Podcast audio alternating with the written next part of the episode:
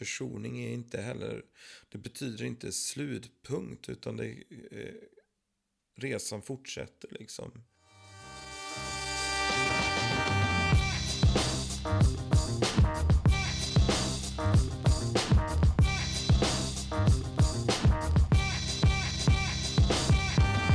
Hej och välkommen till Inför Söndag. Podden som du får provoceras av, inspireras av och tillsammans utforska söndagens texter med. Eh, I början på den här säsongen så skulle vi haft vårt första avsnitt tillsammans med Olof Abrahamsson som är präst i Lutherska Missionskyrkan här i Göteborg. Han är med nu istället, femte söndagen i fastan. Hej Olof! Hej! Vad gött att du, du gör en return. Så att. Eh, ja, jag har eh, återuppstått. Man kan ju säga så här att, att vi hade ett väldigt bra avsnitt som var inspelat. Ja, som försvann. inte var ja, precis, Som inte inspelat. var inspelat. Ja, exakt. Nej, precis. Det var väldigt Men fint vi- samtal. Men vi höll det, ja. ja. Det var lärorikt för, för mig i alla fall. Mig med. Eh, jag känner ju dig sen innan. Ja, Eh, jag vet ju att du är väldigt inspirerad av eh, Ignatius på olika sätt. Ja Ignatius av Loyola, ja. Ja, exakt. Mm. Inte Ignatius från eh, 100-talet. Nej, alltså jag kan säkert vara inspirerad av honom också. Det är du jag, eftersom du är prästvigd. Ja. Så är du. Precis. Eh, men jag vet faktiskt eh, inte jättemycket om, om den mannen. Det behöver du inte göra. Jag Men vet, att Ignatius... han, var, jag vet att han var, han var ju lärjunge till Johannes och det är ju Johannes som vi ska eh, läsa idag. Exakt, Mm. det är en snygg koppling. Men Ignatius av- Loyola då? Eh, Ja. En, snabb introduktion för de som inte har någon aning. Okej, ja, men han var ungefär samtida med Luther, så 1500-tal. Han var en adlig person ifrån Loyola då i Spanien. Och eh, kom till eh, alltså en omvändelse eh, erfarenhet efter ett, en batalj som han var med i, i Pamplona mot fransmännen. Och eh, därifrån så eh, ja, började han en pilgrimsvandring.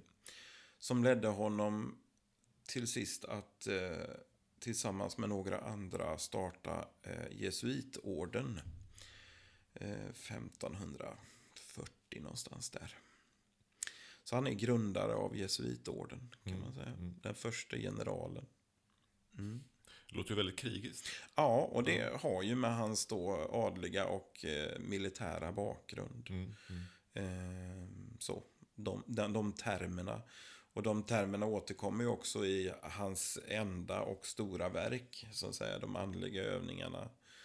Till exempel att ställa sig under eh, Guds baner och det är mycket de här bilderna, riddaridealet så att säga.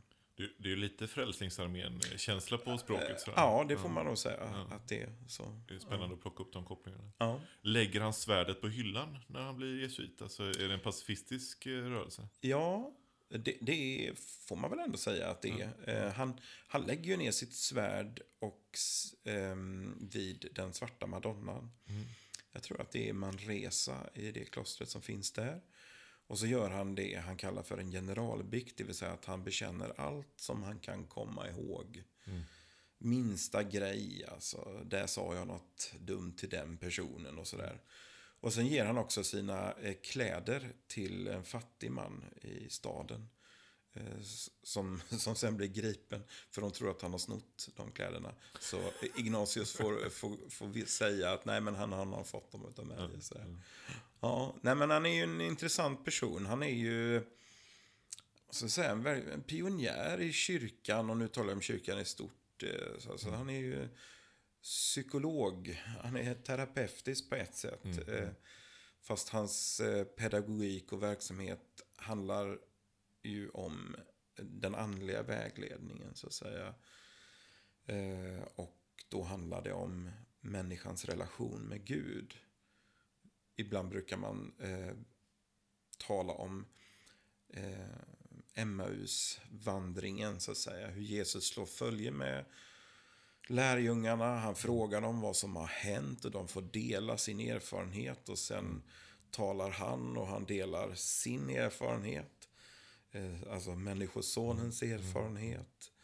och vad det står om honom i skriften och sådär. Och så det är liksom grunden i den andliga vägledningen. Och det är ju inget unikt för Ignatius, men... men eh, Nej, men han, har, han har ju varit tongivande även alltså, utanför katolska kyrkan. I alla fall i modern tid var ja, vad gäller andlig vägledning. Absolut, och, liksom, ja. visst är det så. Och, och, ibland brukar jag säga så här, om man ska jämföra Luther och, och Ignatius, eftersom de var lite samtida, mm. så var ju Luther professorn som frågar vassistas, alltså vad är det? Han ställer teoretiska frågorna till skriften och, mm. och, han driver sin teologi utifrån det. Och eh, eh, Ignatius, han, han frågar efter vår erfarenhet när, när vi möter skriften. Hur, hur är Jesus? Hur berör han dig? Och han vill locka fram samtalet, gemenskapen med Jesus eh, på ett annat sätt. Men vi behöver båda två tror jag, så att vi mm. behöver inte ställa dem emot varandra på något Nej, men Man sätt. kanske kan säga att de behövs tillsammans. Ja, ja precis. Som vi kristna behöver. Alltså det är ju kyrkans stora problem. Och det är ofta då vi hamnar i ett dike när vi väljer ut en teolog. Mm. Det är bara Ignatius eller det är bara eh, Luther eller bara Augustinus mm. eller sådär. Utan kyrkan behöver sina teologer, sina kvinnor och män som, som hjälper oss att eh, eh, fördjupa vår relation med, med Gud helt enkelt. Ja. Jag nämnde att du var präst i Lutherska Missionskyrkan. Ja, just det. Vad är, vad är det för liten kyrka? Lutherska Missionskyrkan i Göteborg är ju en del av EFS-rörelsen, Evangeliska Fosterlandsstiftelsen. Som är en slags missionsrörelse inom Svenska kyrkan. Eh, och den bildades på 1850-talet. Då Svenska kyrkan inte hade någon mission. Så att då fanns det kanske en större anledning. Än, man kan tycka, ja men Svenska kyrkan har ju mission. Ja, mm, mm. Men då hade hon inte det. Eh, så då fick vi, eller vi, då fick den rörelsen och de människorna inspirera sin kyrka. Eh, ja. Mm. Och så har det fortsatt, hoppas jag. Ja. Och vad, vad är det för församling idag? Idag är det en, ja, det är en gudstjänstfirande församling på Vasagatan i Göteborg. Eh, firar gudstjänst varje söndag. Eh, också nu i lite orostider här. Mm. Men eh, det gör vi. Eh, och eh, bedriver verksamhet eh, som ja, en reguljär kyrka. Det är barn och unga, äldre och en del diakonal verksamhet. Och ja, den mission vi bedriver bedriver ju vi via riksnivå så att säga. Mm. Ja, vi samlar in pengar och, som går till den verksamheten. Ja, ja men gud. Ja. Uh, vi befinner oss som sagt uh, i slutet av fastan snart här. Nu är det eh. femte söndagen efter... Ja, det är det. Femte söndagen fastan. Sen är det palmsöndag. Sen är det palmsöndag, ja. Och sen är det påsk. Ja, sen är det... Det är det. Ja. Och så stilla veckan där. Jo, jo, jo, jo, jo. Men eh, stilla veckan har vi ett, ett fett avsnitt inspelat kan jag säga. All right. Ja. ja. Men det är med någon riktigt kunnig människa. Ja, det är en riktigt kunnig människa. Ja, så då är det inte jag. stor teolog. Ja, du fick, du fick, vi fick hålla dig till det här lilla temat om försoning. Ja, precis. det, det passar bra. vad, vad har du för relation till liksom, det här ordet försoning och försoningslära liksom, och försonaren? Har du... Ja. Alltså, är det från din teologiska bakgrund eller kyrkliga bakgrund eller mm. historia? Bär du med dig någonting om det? Ja, så... Eh, vad ska man säga? Jag... Jag använder nog begreppet försoning ganska ofta. Ehm, och då tänker jag att det är ju... Det är ju någonting som Jesus gör för oss och tillsammans med oss. Eh, det han gör för oss är att han, jag menar rent teologiskt då som vi säger, att han försonar oss med Gud. Han försonar världens synd med så som Guds lam. Eh, och det är ju lite torrt och, och tråkigt och teologiskt sådär. Men han rör ju också vid varje människas hjärta och liv. Mm. Så att hon kan försonas med det som blev hennes, så att säga. Mm. Eh, det kanske inte alltid stämmer in i mallen för vad världen tycker är ett lyckat liv. Eh, och så. Men jag tror att, att vi kan försonas med det. Och det, då knyter man ju an kanske mycket mer till ja, eh, psykologins eh, tal om acceptans och sådär. Fast eh, ibland så tänker jag på en del säger så här, men jag har förlikat mig med detta. Men, mm. men det finns en, det finns en, ehm, det finns en, en, en bitter smak i Resignation. Ja, det, det gör det mm. verkligen. Men det gör det inte i försoningen. För försoningen någonstans så är det omslutet i kärlek. Liksom. Mm. Mm. Så det tänker jag, det är en viktig komponent i det. Att försona sig också att någonstans att, att, eh, att älska sig själv. Mm. Och det eh, liksom, ja, det här blev mitt, mitt liv så att säga. Jag tänker att det alltid har med, eller i alla fall i biblisk mening så, så ser jag ett spår av att det alltid har med, med upprättelse att göra och återskapande av, av någonting som har, ja. har blivit trasigt. Liksom. Ja. Det, när världen försonas så helas den också, så att säga. Precis. Eh, eller börjar på att helas i alla fall. Ja. Och så tänker jag också det med en relation som försonas. Ja, mm. precis. Vi kanske kommer tillbaka till det där. Ja, det kanske det, vi gör. Det gör vi nog. Eh, det, det kan vi göra. Jag, Eftersom det är temat. Exakt. Jag har ju på, på gjort en resa från en ganska, vad, vad jag idag skulle klassa en eh, högkyrkligt, eh, evangelikalt inspirerad, eh, karismatisk eh, teologisk bakgrund. Okej. Okay. många ord. Många ord, ja, exakt. Eh, och ni som inte vet ett dugg vad de där orden betyder, ni kan bara skita fullständigt i det. Ja. Det är inte intressant. Okay. Ja, men, eh, men eh, där liksom, försoningen, det visste man, det handlar om att vi har syndat mot Gud. Och Gud vill vara med oss, men Gud kan inte vara med oss för att vi är syndiga. Så mm. Gud måste straffa synden på något sätt. För om Gud inte straffar synden så är Gud mm. inte rättvis. Så mm. Gud är både kärleksfull och rättvis.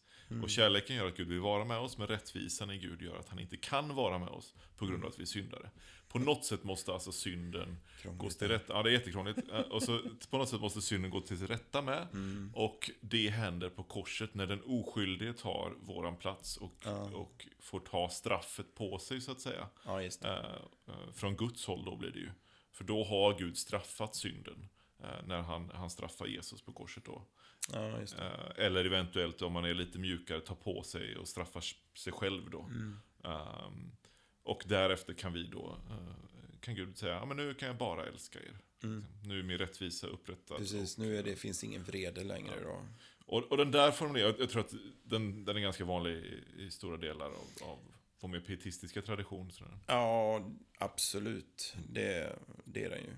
För mig på senare år så känner jag att den inte riktigt varken känns särskilt bibelförankrad eller fungerar Nej, för mig. Och det, och det har du ju redan nämnt. Mm. Eftersom du sa för försoning för mig handlar om eh, också att det är någonting som blir upprättat och, och förnyat så att säga. Mm. Eh, så skulle man ju liksom, om man utgår från bara det, mm. så, så blir det ju någonting annorlunda liksom. Då är det ju Gud som söker kontakt och säger, hörru, det här, det här livet i, om man då använder ordet synd, mm. så att säga, i betydelsen det som driver bort mig från relationer med andra och med Gud och med mig själv slutligen och den kärleken jag har till mig själv mm. och till Gud och till andra. Eh, och att få försonas och bli upprättad i det, då möter ju Gud oss verkligen i, i liksom i kärleken. Va? Eh, och sen, om man då kopplar det, så förstod nog den judiska traditionen det också. Och då hade de sitt sätt att göra det på genom att de hade offer och så. Nu är ju inte offerkulten aktuell längre i den judiska tron så att säga. Men den var det. Mm. Och den var det ju absolut vid Jesu tid. Men så därför talar de det språket och eh, det är helt naturligt för dem. Mm. Det är inte lika naturligt för oss, men eh, ja. Läsning från fjärde Mosebok. Israels folk bröt upp från berget Hor i riktning mot Sävhavet för att gå vägen runt Edom. Under vandringen så blev folket otåligt och klandrade både Gud och Mose. Varför har ni fört ut oss ur Egypten för att dö i öknen? Här finns inget att äta och dricka. Vi är utleda på den usla maten. Då skickade Herren ormar mot folket, giftormar, som bet israeliterna så att många av dem dog. Folket kom till Mose och sa, vi syndade när vi klandrade Herren och dig. Be till Herren att han tar bort ormarna ifrån oss. Mose bad för folket och Herren sa till Mose, gör en orm och sätt upp den som ett fälttecken. Var och en som blir biten ska se på den, så får han leva. Och Mose gjorde en orm av koppar och satte upp den som ett fälttecken. Den som blev biten av en orm såg på kopparormen och då fick han leva.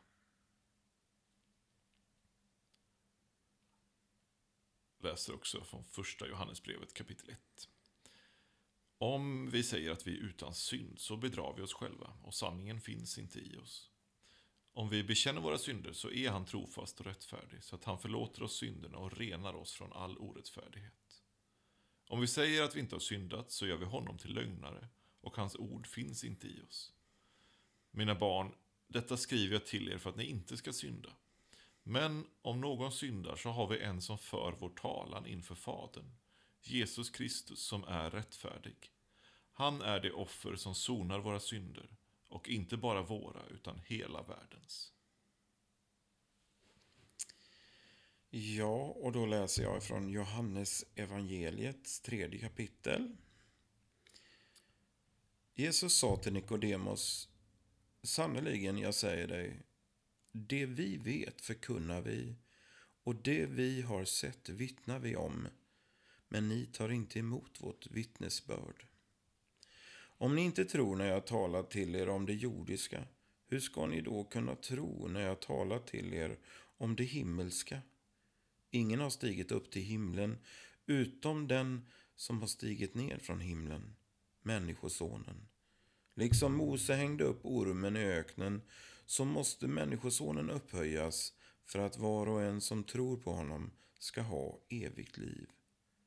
Så älskade Gud världen att han gav den sin enda son för att de som tror på honom inte ska gå under utan ha evigt liv. Gud sände inte sin son till världen för att döma världen utan för att världen skulle räddas genom honom. Den som tror på honom blir inte dömd, men den som inte tror är redan dömd eftersom han inte har trott på Guds enda sons namn. Och detta är domen, att när ljuset kom in i världen, då älskade människorna mörkret mer än ljuset, eftersom deras gärningar var onda. Den som gör det onda avskyr ljuset och kommer inte in till ljuset för att hans gärningar inte ska avslöjas. Men den som handlar efter sanningen, han kommer till ljuset för att det ska bli uppenbart att han gör vad Gud vill.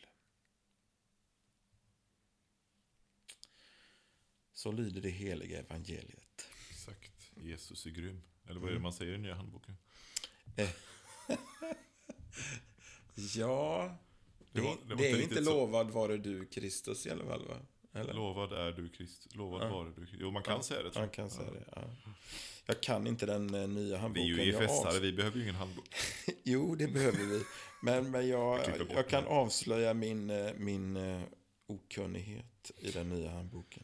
Eh, Det, det här kapitlet, eller det här stycket i Johannes evangeliet Ja. är ju ett av mina absoluta favoritstycken kan man Är säga. det, är det så? Ja, för det finns så himla mycket vad jag tycker är god teologi. Ja, här. det gör det. Och det, Men var börjar du din läsning då? ja, jag, jag tycker att det börjar där uppe där han säger Jesus sa till Nikodemus. Okej. Ja. För Sen- jag tänker att det börjar, för att överhuvudtaget förstå det, Mm, mm. så behöver vi börja redan i vers 1. Och vad händer där? Ja, men det är ju där Nikodemos kommer till honom, så att säga. Och det finns så mycket just i det samtalet som liksom ligger till grund för eh, det som sen, vad är det han förklarar liksom? Ber, berätta för oss. Oj, ja det är, hur lång tid har vi? Ja, vi har 32 minuter.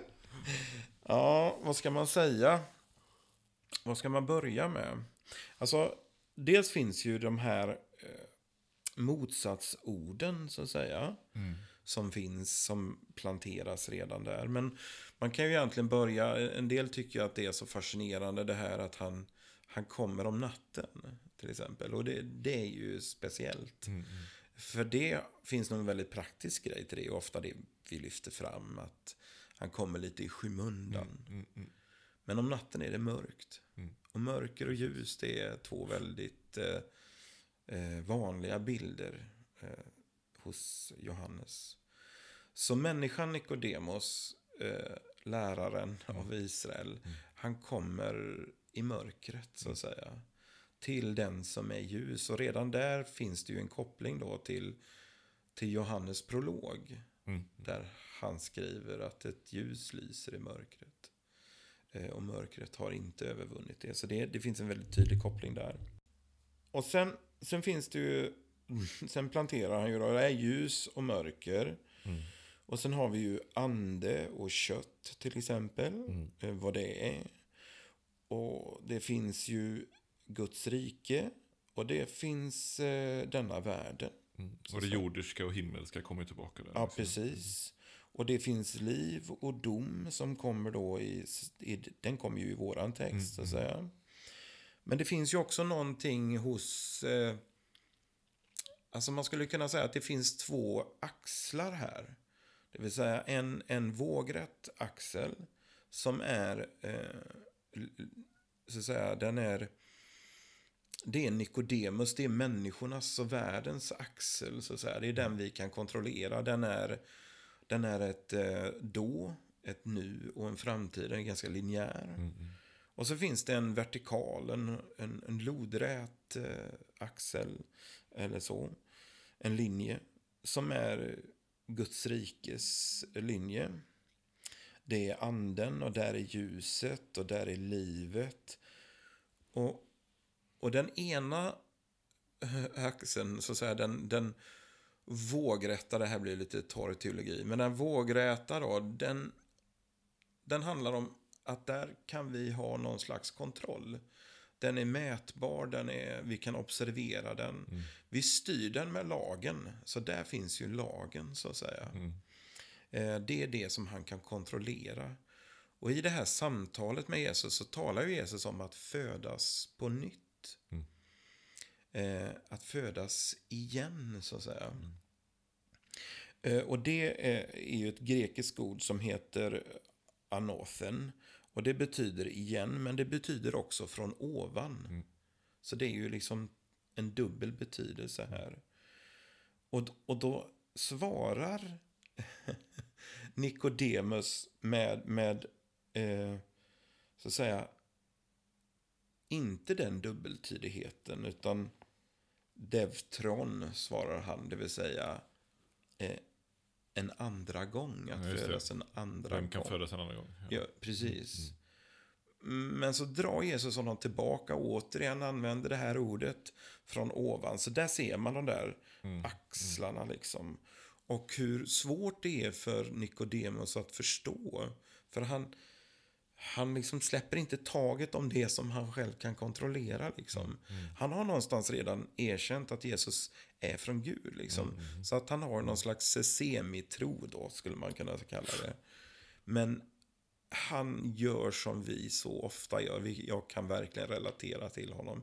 Hur jag klamrar mig fast vid det som jag kan, eh, kan se. Och kan ta på som är liksom materiellt eller så observera. Och har svårt att, att lita på verkligen ge mig hän i tron liksom. Eh, och någonstans är det väl det som Jesus försöker säga. Och det är då vi liksom, för att där planterar han det i, i början av det samtalet. Och sen kommer han då. Han som är liksom den som kommer från ovan, så att säga. Han är också den som... Återigen då har vi, kommer vi tillbaka till, till prologen, Johannes prolog med att den enda sonen själv, Gud, har uppenbarat fadern för liksom så. Han som är nåd och sanning liksom. Eh, och liksom, där kommer vi in i den texten som är för söndagen. Men, men har vi inte denna grund, liksom det här med hur han liksom leker med orden och lirkar med, mm. med Nikodemus. Mm. Och liksom skojar nästan med honom så här. Eh, till exempel det här användandet av anden pneuma. Mm. Som både vind exakt, och ande. Exakt. Eh, det jordiska och det himmelska liksom. Och, och så. Ja, nu pratar jag mycket här. Men... Ja, du är ju predikant. Mm. Ja. Mm. För mig, det du säger är att han kommer dold i, i mörkret. Mm. Um, det är väldigt spännande med tanke på slutet på vår text. Ja, uh, precis. Där, där han säger att den, den som gör det onda avskyr ljuset och kommer inte till ljuset. Uh, och på ett sätt så har jag, är det precis det han gör. Ja. Men han har kommit i det skydd av mörkret för att han ja. är rädd för att ja. liksom, visa vad han gör. Ja, för andra. Ja, precis. Och då, där finns ju också en koppling till, till som också finns i, i innan vår text. Mm. Nämligen det att, eh, ska vi se om jag hittar det då. Jo, och då, då säger Jesus så här, sannoliken säger det, det vi vet, det förkunnar vi och det vi har sett vittnar vi om. Och vi, mm. är ju inte treenigheten här. Nej, nej, utan vi är ju hans lärjungar, så att säga. Jesus och hans lärjungar. De är martyrion, alltså martyrer är de, alltså de som vittnar om det. De vittnar om ljuset liksom. Och, och eh, de räds inte ljuset. Så att här finns det också en skillnad. Att, att verkligen vara ett, eh, en lärjunge är också att vara ett vittne för ljuset. Liksom. Mm. Och det är han ju inte riktigt än då. Precis. Men han kommer nog dit, tänker jag. Ja, det, tänk, det får vi hoppas. Ja. ja absolut. Jag, jag, tycker det är spännande. Eh, det finns ju på andra ställen i Bibeln också, men Johannes är ju framförallt väldigt tydlig med det. Han, han använder ju ordet dom på lite annat sätt än vad Paulus gör till exempel. Då. Eh, ja, det kan jag tänka mig. Han säger ju till exempel då att, att Gud inte sänder sin son till världen för att döma världen. Ja, just det. Eh, och till exempel hos Paulus och i trosbekännelsen så ja, att Jesus ska komma tillbaka och döma levande och döda. Ja, precis. Men det handlar om två olika sätt att använda använda ordet på. Ja, precis. Man kan ju använda dom, eh, domen som, eh, som någonting som är avkunnat negativt för människan. Exakt. Men man, klart man kan använda det som ett helt neutralt. En dom kan ju vara ett frikännande Exakt. och ett fängelsestraff. Och där är ju Paulus mer. Alltså, ja, vi ska ja. alla bli dömda. Ja, men precis. om vi, i, i, Johannes mening så är domen är liksom, om vi skulle säga med domedagen, alltså när vi går under. Liksom. Precis, för han är inte i en rättegångssal. Jesus kom liksom inte för att förinta världen eller Nej. för att förstöra världen. Liksom. Utan och, för att försona den. Exakt. Se, jag gör allting nytt liksom. Mm. Också Johannes. Ja. Mm. Exakt. Nej, men, och, och, och, där då, så, så i, i, texten här så säger ju den väldigt tydligt att det är inte ens det är inte Gud som dömer. Utan vem är det som dömer? Jo, den som inte tror på honom mm. är redan, redan dömd. dömd ja. Eftersom man inte har trott. Mm. Och så kommer förklaringen då. Vad är mm. domen då? Jo, men mm. detta är domen. Eh, att den som gjorde det onda inte vill komma till ljuset. Ja återigen är det alltid vi som håller oss borta från Gud och inte Gud som håller sig borta från oss. Nej, uh, precis. Gud söker kontakt eh, hela mest hela ja. tiden. Ja. Han är den som går i den svala kvällsbrisen i Edens lustgård och ropar på människan mm. och frågar Var är du? Liksom. Och det är ju också en ganska dubbel fråga. Han, han, vet naturligtvis precis var hon är location wise. Va? Mm. Men eh, hon behöver få frågan, var är jag någonstans liksom. Så tänker nästan all bön är. Ja. Alltså, om det skulle vara för Guds skull så hade du inte behövt be någon gång. Nej. Men eh, vi kan behöva snacka lite. Ja. Och det tänker jag ofta är Gud som säger, men ska vi snacka ja. lite? Mm. Ja, okay, Var är du någonstans? Mm. Vad gör du Tobias? Ja. Mm. Det är jobbigt när den kommer upp. och vad gör du då? Um, om... Eh, om Jesus behövde dö.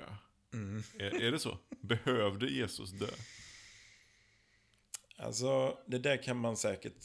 Det finns, alltså, så här ska jag säga. Uh -huh. Det finns säkert de som har tänkt betydligt mycket mer på det. Jag vet att när jag läste teologi för äh, jättemånga år sedan. Mm. jag vågar knappt säga hur många år sedan det är nu. Men det är väl i alla fall en 23 år sedan jag började läsa teologi. Då eh, då var det mycket sånt som man liksom gick igenom. Och det, jag vet att det kom någon bok då som hette Varför måste Jesus dö? Och, och jag vet också att jag försökte ta mig igenom den, men det gick liksom, det var ingen tjock bok, men det var, det var liksom lite för tråkigt. Eh, Så det finns nog folk som är bättre på att förklara det. Men eh, jag tänker att i ett hänseende, ja. Alltså utifrån den judiska kulten, så att säga. Offer, lammet och försoningsoffer. Och den, i, i, liksom, I den kontexten, i det sammanhanget, så är det, ja, nödvändigt. Mm. Och samtidigt så finns det ju en annan del, det vill säga att det är inte bara nödvändigt, utan det är också oundvikligt på något sätt. För att han är ljuset och vad var det det stod? Jo, att vi avskyr Mm. det ljuset. Precis. Och då försöker vi också släcka det ljuset. Och det är väl det som sker, tänker jag. Så att det Det blir är väl liksom... korset. Liksom. Mm. Ja, och då, precis. Och det finns ju också tydligt med här. Mm. Och det är också en liten, en- det blir liksom en slags eh, ironi i det där. Att när vi försöker att släcka ljuset genom att eh, eh, höja upp det. Mm. Så om vi bara vänder på det så blir det upphöjt. Mm.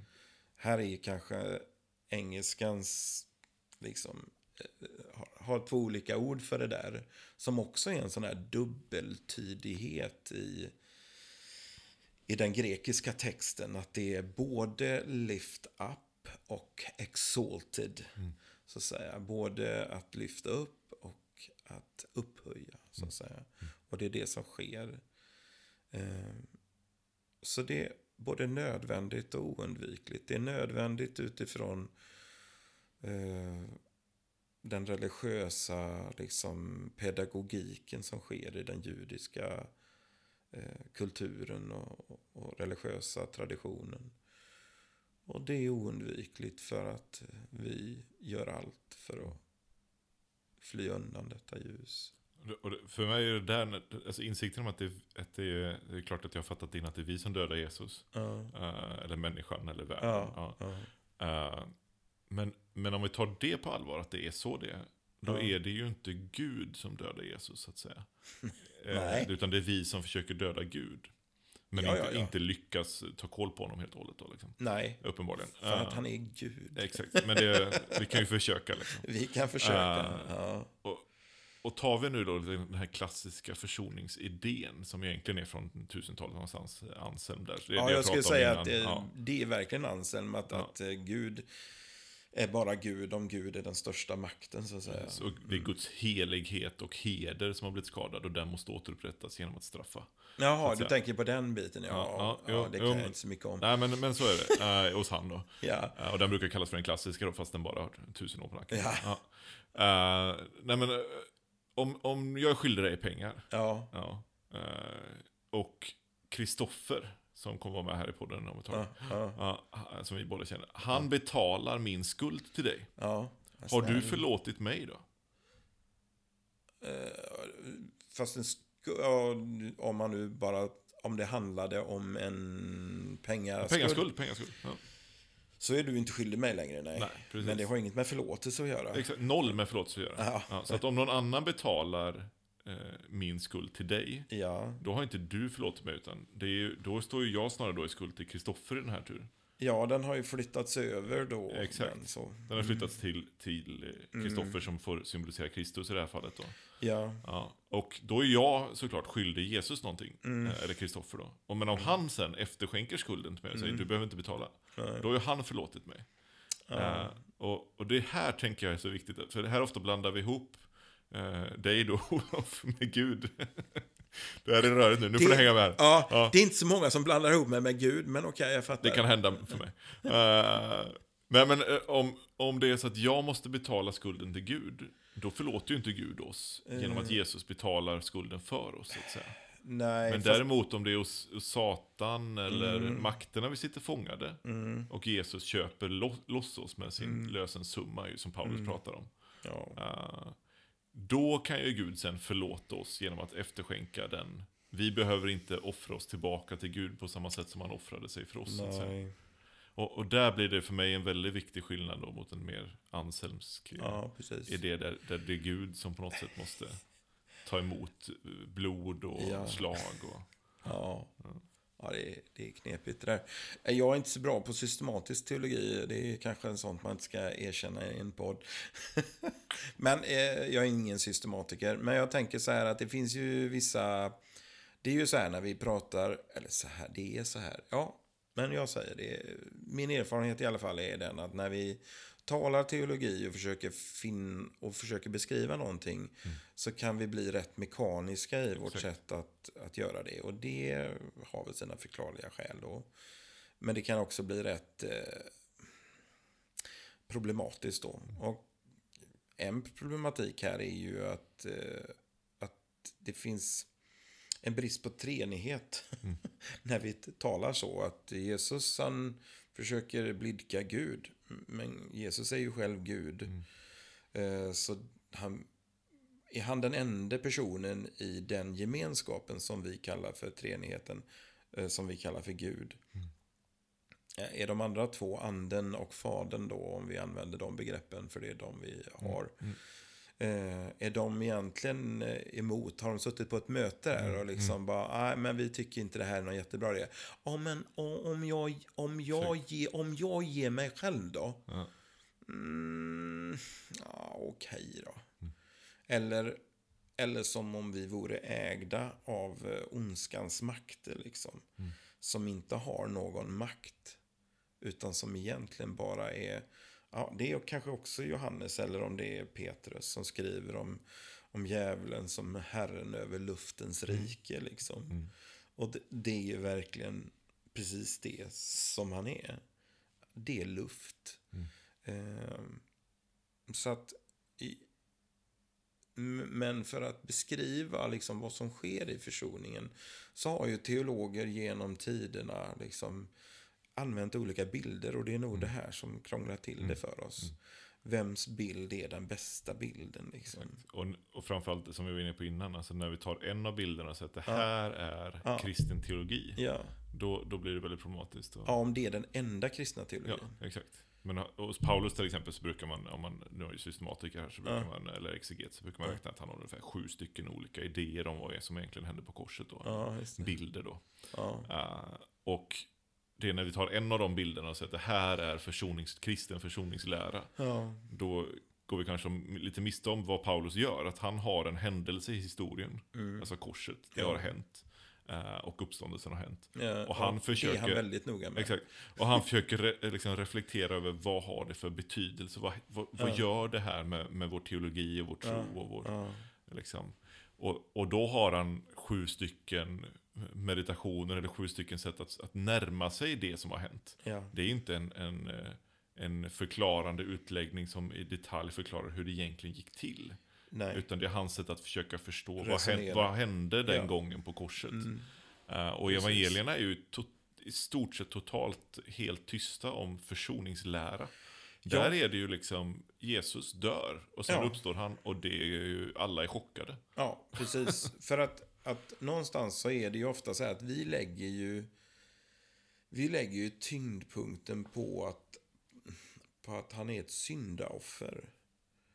Men mm, liksom eh, är det i Jakobsbrevet så står det väl att, att eh, begäret födde synd och synden blev havande och födde död. Exakt.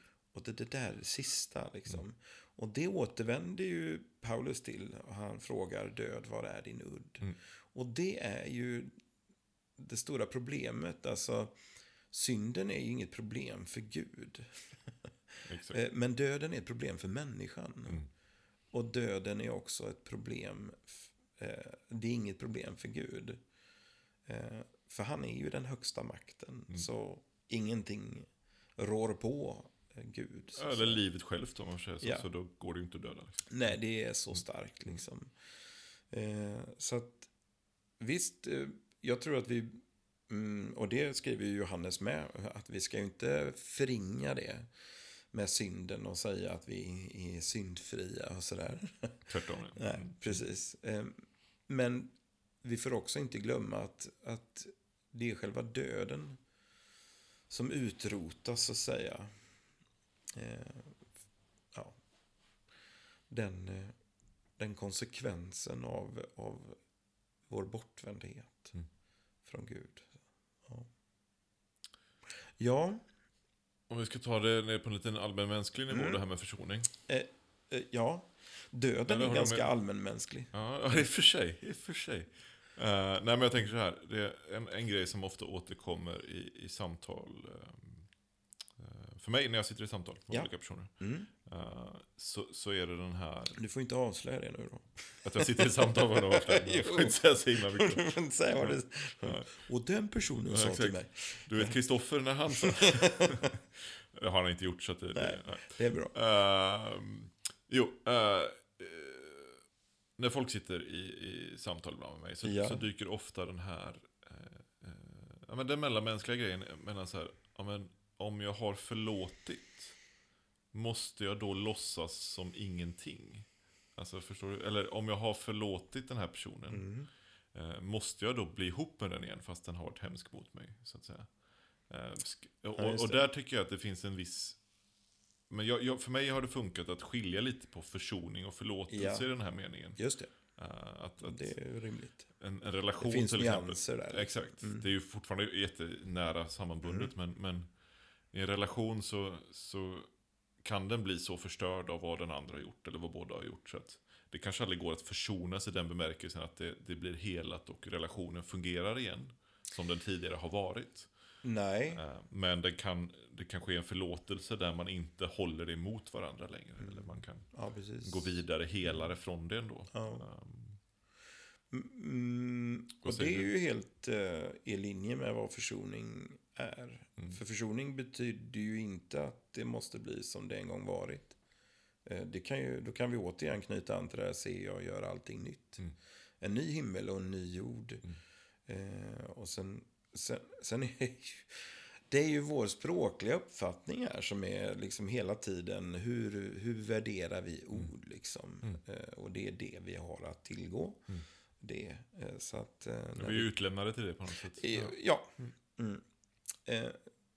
Eh, Men som du och jag skulle bråka och det var en uppslitande ja, fight liksom. Mm. Eh, Men så till slut så, så tar vi ändå första steget och, och börjar hitta varandra. Så, så kanske vi inte hittar tillbaka till det vi en gång hade.